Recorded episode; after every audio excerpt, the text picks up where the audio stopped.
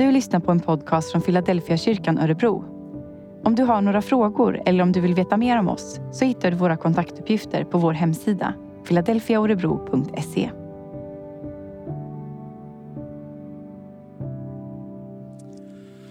Den här månadens söndagar så gör vi resor i bönens landskap med Jesus som vår guide. Vi hör honom be och vi responderar med den här bönen. Herre, lär oss att be. Att upptäcka mer av det bönens landskap där du rör dig så fritt i. Vi har med oss den här resehandledningen och har du inte tagit med dig den så finns den ute i foajén eh, där du också får hjälp att leva i bön på ett särskilt sätt den här månaden. Och nu har, som vi hört, nu har vår bönevecka inletts. Barnen i After Nine har just nu börjat att be i vårt kapell och nu ber vi timme för timme under en hel vecka. Och skulle du vara besviken på att det inte finns någon plats ledig till dig, så men, nu börjar vi att dubblera så att vi kan be två eller tre varje timme. Låt inte det vara ett hinder att inte det finns någon ledig plats. För nu vill vi fylla den här veckan med bön och själva fyllas utav bön. Och idag läser jag från Matteus evangelium kapitel 14. Jag börjar på vers 15 där vi igen kommer på Jesus med att be. På kvällen kom lärjungarna till honom och sa, trakten är öde och det har blivit sent. Låt folket gå härifrån så att de kan köpa sig mat borta i byarna. Jesus svarade, de behöver inte gå härifrån. Ge dem något att äta ni själva. De sa, här har vi inte mer än fem bröd och två fiskar. Lämna dem till mig, svarade han. Han sa åt folket att slå sig ner i gräset och han tog de fem bröden och de två fiskarna, såg upp mot himlen och läste tackbönen. Sedan bröt han bröden och gav dem till lärjungarna och lärjungarna gav dem till folket. Alla åt och blev mätta och man samlade ihop de överblivna bitarna, tolv fulla korgar. Det som hade ätit var omkring 5 000 män, förutom kvinnor och barn.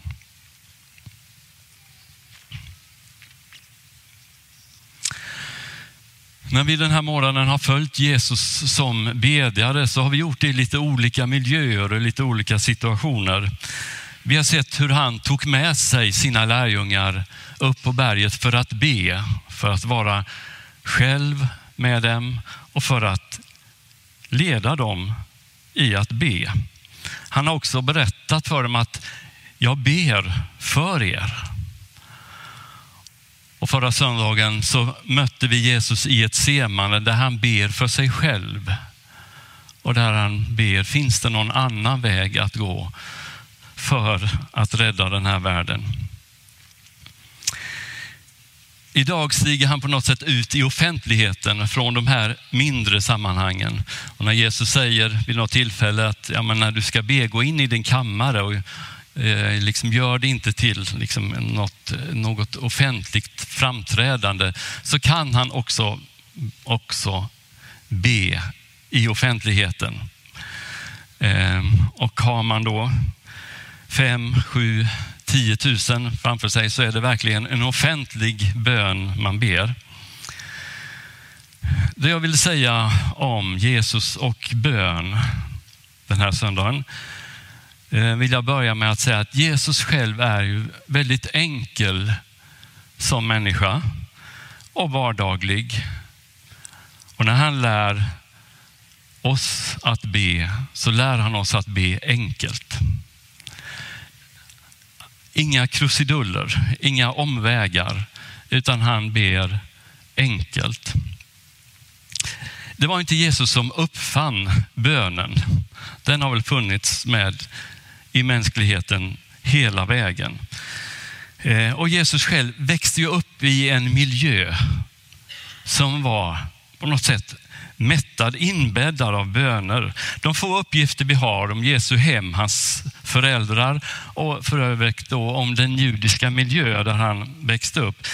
Den berättar ju för oss att Jesus verkligen visste vad bön var innan han blev en offentlig talare och ledare. När vi möter hans mor Maria i de tidiga tonåren och hör hennes samtal med ängeln Gabriel Eh, och sen hennes möte med sin släkting Elisabet där hon liksom utbrister Min själ prisar Herrens storhet och min ande jublar över Gud, min frälsare.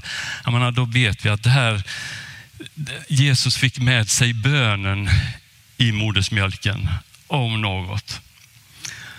Och om Josef, hans far, står det att han var en rättfärdig man och en judisk rättfärdig man bad de föreslagna bönerna vid de föreslagna tiderna. 9, 15 och när solen gick ned. Och så ledde han välsignelserna före och efter måltiderna. Och han gick och tog med sig barnen till synagogan. Jesus växte upp med föräldrar som bad. Som fyllde liksom tillvaron med bön. Och Jesus formades av det, som vi alla formas av våra uppväxtmiljöer. Jesus lärde sig att be enkelt och vardagligt. Han lärde sig att be hemma i den miljön. Han lärde sig att be i synagogan och det vi har följt honom hela den här månaden visar också, han lärde sig att be ute. Vi förstår också, det måste inte bli katastrof för att Jesus skulle be. Eller ett högtidligt tillfälle för att han skulle vända sig till Gud. Han andades bön. Så var han uppväxt. Så fortsatte han att leva sitt liv. Jesus vill lära oss att be enkelt. Att bön är något vanligt, som en vana. Han lär oss att be hemma, vid bordet. Han lär oss att be överallt. Att perforera liksom dagen med bön och skapa liksom små öppningar mot Gud hela tiden. När Jesus möter två av sina lärjungar efter sin uppståndelse och blir hembjuden till dem. Kvällsmat serveras så är det plötsligt han som tar brödet och så står det han välsignade, bröt brödet och delade ut. Med kommentaren, då kände de igen honom och såg att det var han. Och kanske är det också någonting som händer när vi ber där hemma ibland. Vi får en större bild, en tydligare bild av att det är han, han är här. Vi lever med honom. Och du som inte är övertygad kristen, det här är ju för dig också. Jesus vill lära dig att be enkelt. Någon gång har du säkert gjort det och kanske samtidigt frågat dig, lyssnar Gud på mina böner? Jesus lyssnar på dina böner, särskilt när du ber enkelt. För så vill han lära oss att be. Jesus lär också sina lärjungar och oss att be personligt. Jesus är ju personlig. I alla möten, också i sin undervisning som vi läser och följer honom i, så är Jesus oerhört personlig. Och när han lär sina lärjungar att be så lär han dem att be personligt. Han lär dem att tilltala Gud med ordet Abba, far. Och förra söndagens predikan visar ju att så bad Jesus själv när han i ett semane ber Abba, far. Och den erfarenheten den förmerar han till sina lärjungar. Den relation han hade och i den, i den relation som han själv ber till Gud så drar han in sina lärjungar och säger det är så vi får be. Inte på avstånd eller distans utan i den relation där vi kan säga Abba far. Det varmt personliga, det är där bönen börjar. Det är i den som han drar in oss i. Paulus kommenterar ju det här i sitt brev till romarna där han säger att utifrån den sociala kontexten, nu är vi inte längre slavar utan vi är barn och vi ropar Abba, far. Det vill säga pappa. Det är så jag kommer till Gud och ber. Gå inga omvägar, ber han oss, utan det är barnets direkta, omedelbara liksom påkallande av uppmärksamhet. Jesus var så trygg med sin far, så trygg att han var älskad av sin far. Och han förmedlade det till sina lärjungar också. Du kommer och säger pappa. Jesus vill lära oss att be personligt. Ibland kan vi ju tänka, jag kan inte be. Eller, det ligger inte för mig riktigt att be. Ja, och så kan vi fylla på med en mängd olika föreställningar vi har om att det är inte för oss.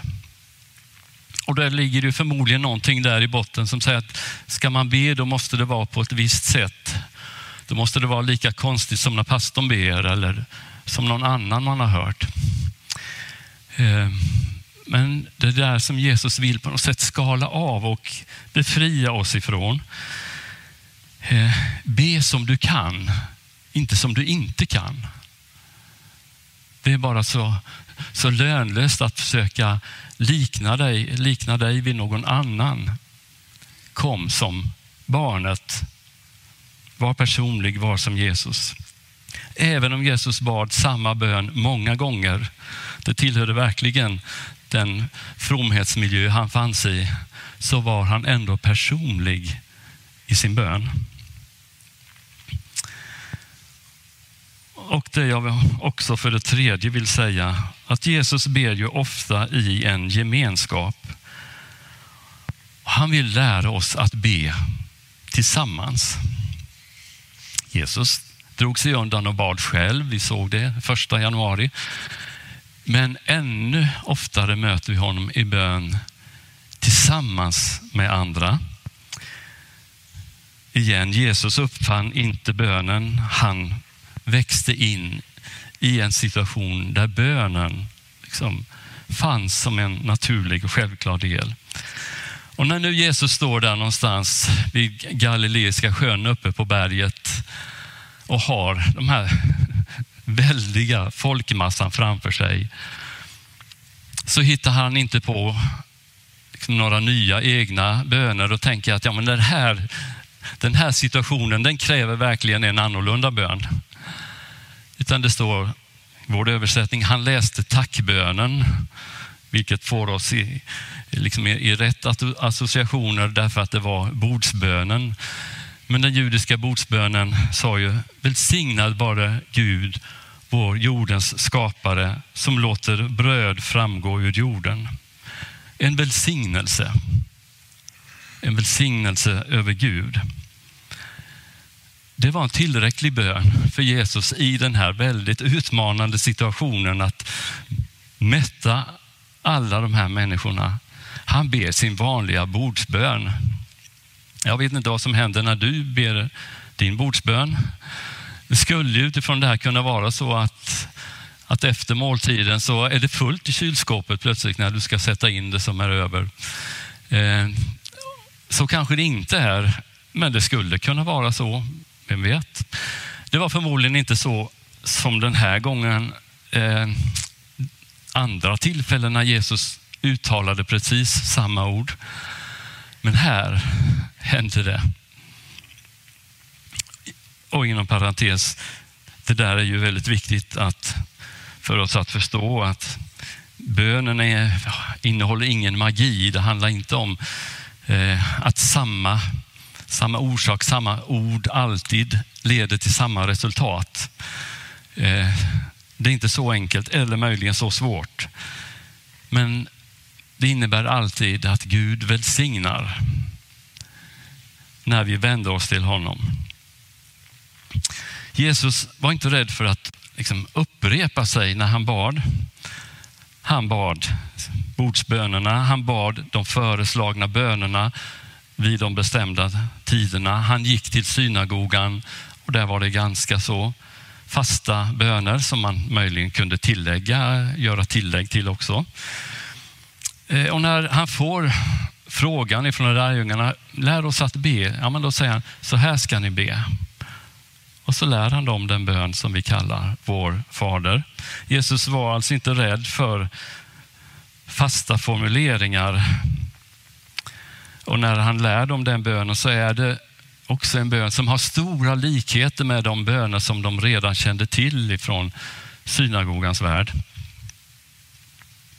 De betydde någonting för honom. Han behövde de bönerna och han behövde be tillsammans med andra. Be detsamma som andra bad. Eh, Jesus vågade ju många gånger bryta mot de fromhetsregler som liksom omgav honom. Eh, han kunde också ge viss kritik åt andra som till exempel råkade just klockan 15 när man skulle be, råka stå i gathörnen och just då visa att ja, men nu måste jag be inför andra. Eh, men när det gäller bönen, också de gemensamma bönerna, så fann Jesus inget behov av att bryta liksom, mot de vanorna.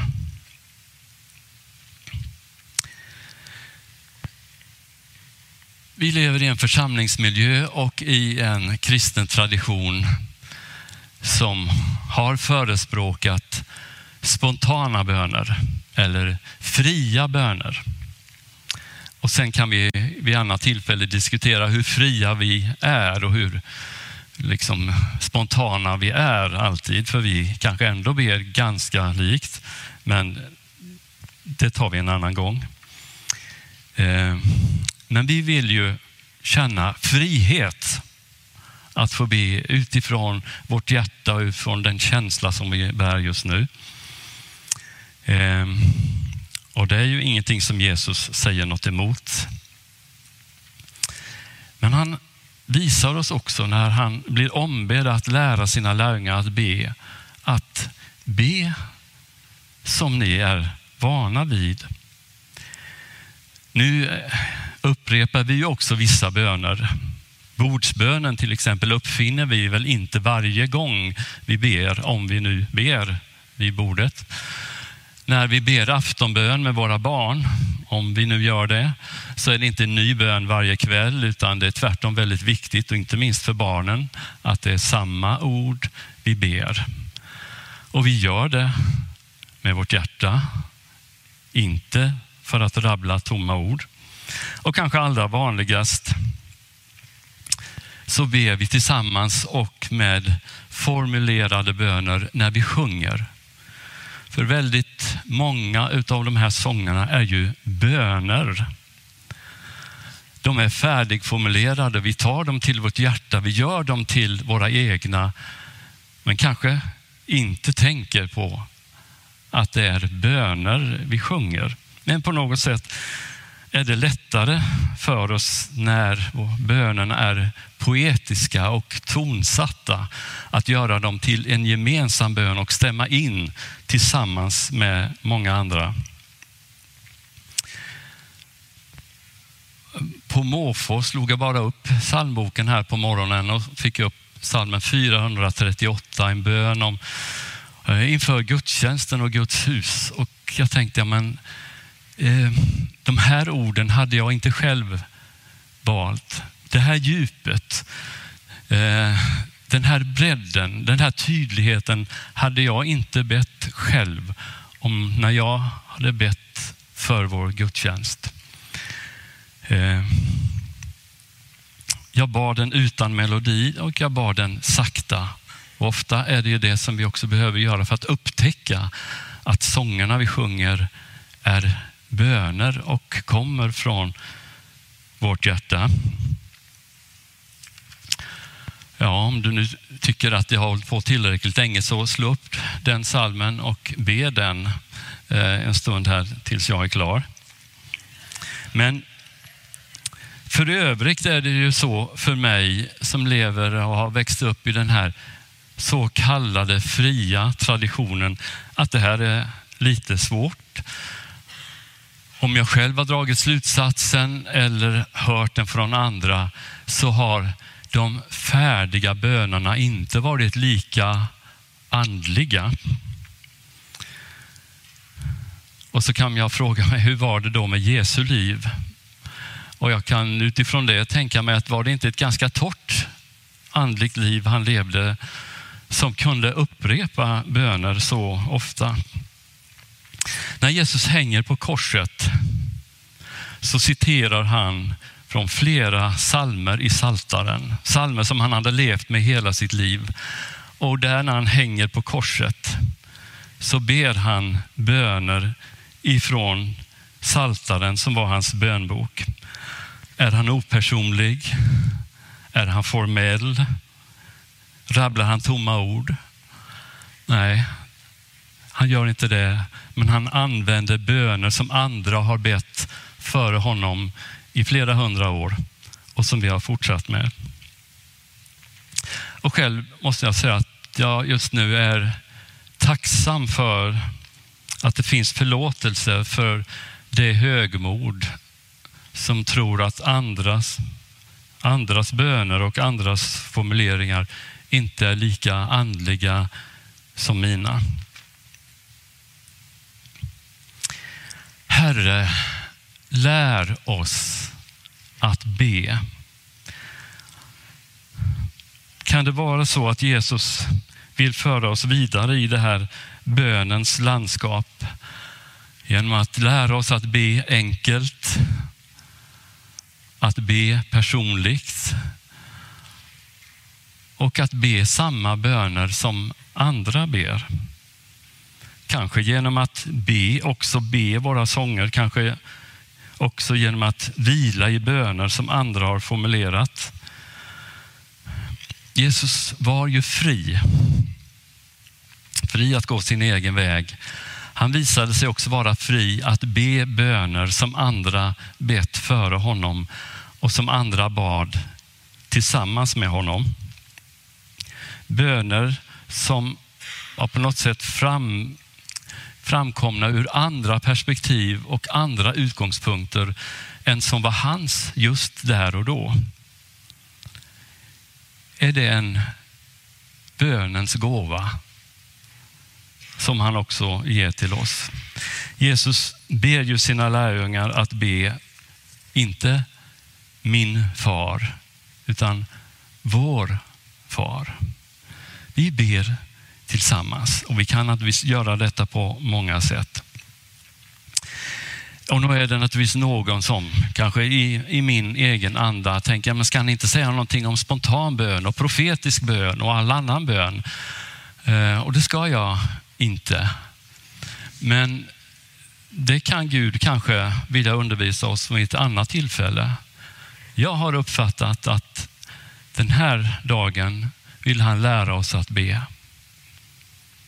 Enkelt, personligt och med hjälp av böner som andra också ber eller har bett. Och är det inte det vi gör när vi läser, men kanske inte alltid ber, den 23 salmen? Hur mycket betyder inte den för oss? Att få i sitt hjärta be den bönen. Du dukar för mig ett bord. Du smörjer mitt huvud med olja. Du låter min bägare flöda över. Ehm, jag tänker mig, Gud, du har mer att visa mig i bönens landskap än vad jag har sett hittills. Jag tror att det är ett ärende Gud har till oss idag. Låt oss be tillsammans nu. Jag ska kort inleda med en bön och sen fortsätter vi att be medan vi sjunger här tillsammans med Anton och Julia. Herre, lär oss att be. Lär oss att be som du bad. Visa oss Herre, på nya platser i bönens landskap där vi inte har varit. Visa oss kanske tillbaka till platser som vi har glömt. Du som älskar oss. Du som inbjuder oss också att be pappa, nu är jag här. Lär oss. Lär oss att be.